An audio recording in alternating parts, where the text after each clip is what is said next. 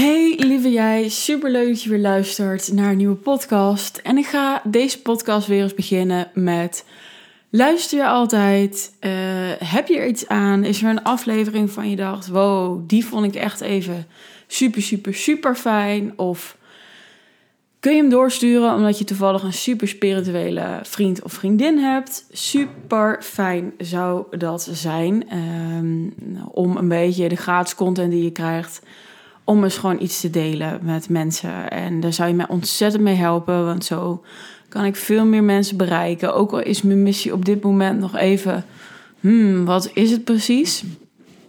Maar ik ben hier in ieder geval om ja, dingen met je te delen. Over spiritualiteit, over groei, over kwetsbaarheid, over nou ja, dat we onszelf gewoon helemaal mogen zien hoe we zijn. En ik denk iedereen die maar een beetje op spiritueel pad zit, die kan het hartstikke goed gebruiken. Dus super leuk als je iets deelt op je stories en mij tagt. Vind ik echt super lief dat je support. En uh, daar heb ik dus ontzettend veel aan. Dus dank je wel alvast. Dan uh, ga ik het vandaag hebben met, uh, over mijn innerlijke proces. Ik zit bij de coaching. Twin to Win heet ze. En uh, Sam en Kiki ook wel. En je kan ze gewoon opzoeken via internet natuurlijk. En ik ben daar business coaching gestart, vijf maanden, omdat er marketing en human design in zit. En dat vind ik gewoon ontzettend boeiend. Mm, en nu hoorde ik gisteren dat ik echt een mega tof cadeau krijg. Oh my god, ik krijg gewoon helemaal gepersonaliseerd human design boek. Omdat ik daar klant ben. Nou, ik word helemaal blij ervan. Want um, ja, dat, het is gewoon zo fijn dat je iets voelt.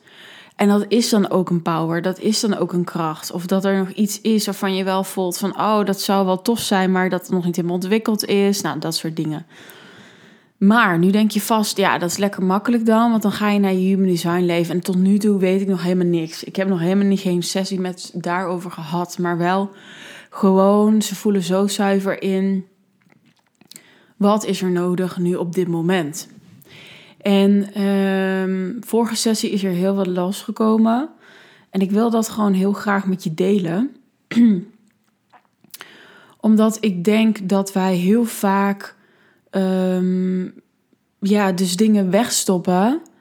En ons lijf weet dat dat er wel is. En dat vond ik zo bijzonder om mee te maken. En dat wil ik dus heel graag met je delen vandaag. En onze sessie begon over waar ik vorige week een podcast over heb opgenomen. Mijn vaderwond. En um, ja, dat ik zo graag nog gezien wil worden en uh, dat. En het was heel mooi, want weet je, we kunnen allemaal soms heel diep willen graven en waar zit het hem in? En soms is het ook gewoon heel makkelijk om te shiften naar iets wat je ondersteunt, wat je helpt. En ik heb natuurlijk al heel lang het idee van ja, ik heb zo'n diepe vaderwond. Ik wil bevestiging voor alles. Ik wil gezien worden. Ik hè, kan toch in een relatie neigen als ik me niet goed voel, niet bij mezelf ben met hey, hoe zie ik eruit? En geef me een compliment. En Sam vroeg toen heel mooi van ja, heb je eigenlijk nu contact met je vader? Ja, en ik moet nu weer bijna huilen, maar dat, was, dat is zo'n rake vraag. En dat bedoel ik ook. Je weet je, je emoties, je systeem zegt wel van wat waar is. En um, nou, dat had ik dus helemaal niet. Ik ben er ook bang voor. En ik weet dat één keer in een droom is papa, was ik bij mijn open nomen slapen. En toen dacht ik dat ik uh, wakker was. Uh, nee, oh ik moest even goed denken, want het was zo of ik wakker was, maar het was dus in een droom. En ik dacht dat ik wakker was en nu werd ik aangetikt. En. Of was het andersom? Ja, ik weet het niet meer. Het was zo'n trans, trans of zo. Dus je hoort lekker hoe ik eruit kom, maar dat maakt niet uit. Het ging erom.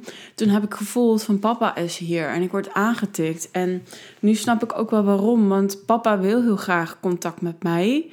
Maar ik durfde dat niet. En ik durfde dat niet. En ik, ja, ik krijg nu echt aan mijn ogen. Maar omdat ik echt, uh, ja, afwijzing. Weet je, ik ben in mijn leven best voor mijn gevoel afgewezen door mijn vader. Mijn vader deed heel goed uh, het werk en ja, weet je, dat, dat, dat dat, dat toen hij thuis kwam, dan eh, ging hij vaak iets van een krantje lezen of iets voor zichzelf doen of nog sporten. Waarvan ik nu denk, ja, dat is ook super belangrijk, want je hoort jezelf ook op één te zetten, maar je mag ook de liefde aan je kinderen geven. En ik denk dat ik best wel een afzijdige vader, fysieke vader daarin heb gehad, dat ja, hij dus koos ook voor eigen rust. En dat voel je als kind als afwijzing. Weet je, dat, dat is gewoon super pijnlijk. En um, ik ben dus bang dat. Ik heb inmiddels om hulp gevraagd. Als jij denkt van hoe kan ik contact krijgen met een overledene, dan kun je gewoon stellen, vragen. Uh, wat ik heb gedaan. Joh, pap, wil je me helpen? Welke kant mag ik op? En wil je me steunen? En dat is al zo helend, kan ik je vertellen. Ehm, ja, en weet je, ik voel mijn vader wel altijd om me heen. Maar ik had hem nooit echt op die manier toegelaten. Dus ik denk dat dat een hele belangrijke is voor als je dat ook ervaart. Van vraag het eens aan iemand die is overleden. Van kan jij weer bij mij komen?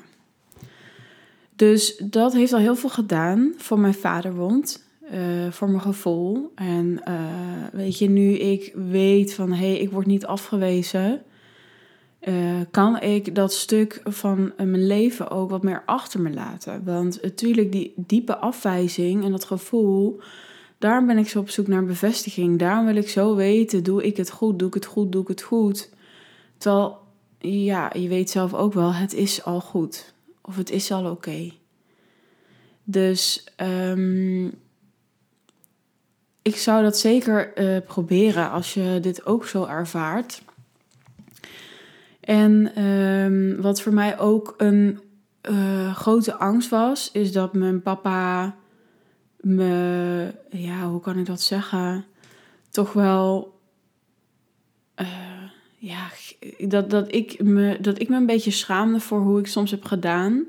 Ook hoe ik heb gedaan als volwassene. En dat ik er soms echt niet goed aan toe was en dat ik dat heel lang heb genegeerd. En ja, dan schaamde ik me een beetje, want ik dacht, ja, die hebben alles kunnen zien. Iedereen die daar is, elke ziel.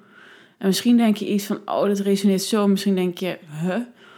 Maar dat je gewoon schaamt voor welke acties je soms hebt uitgevoerd. En dat je daarom, voelde ik ook heel sterk, dat ik daarom ook geen contact wilde opzoeken. Omdat ik denk, ja, die heeft alles meegekregen. Ik schaam me dood. Voor al mijn gekke dingen die ik heb gedaan. En al mijn vluchtpogingen. Maar toen dacht ik ook, ja weet je, een, een ziel of een naaste of zelfs... Uh, want mijn papa is overleden toen ik uh, 12, bijna 13 was.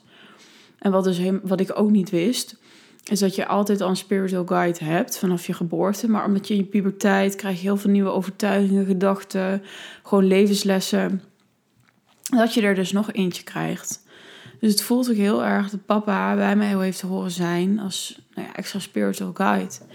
En een spiritual guide zal nooit denken van ja, weet je, wat, wat stom dat je dit doet, of dom dat je dit doet, of ben je achterlijk, I don't know.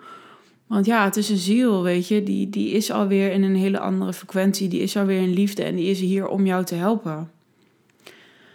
Dus dat was het eerste deel van de sessie. Morgen deel ik het tweede deel van de sessie, die voor mij nog heftiger was. Um, maar ik hoop je ja, te mogen openen daar. Je kan altijd nog met iemand contact hebben en uh, de vraag is alleen, sta je ervoor open? Of net zoals uh, wat ik net heb gedeeld, is er toch nog een angst dat je dan ook wordt afgewezen? Dus dit is wat ik vandaag wilde delen.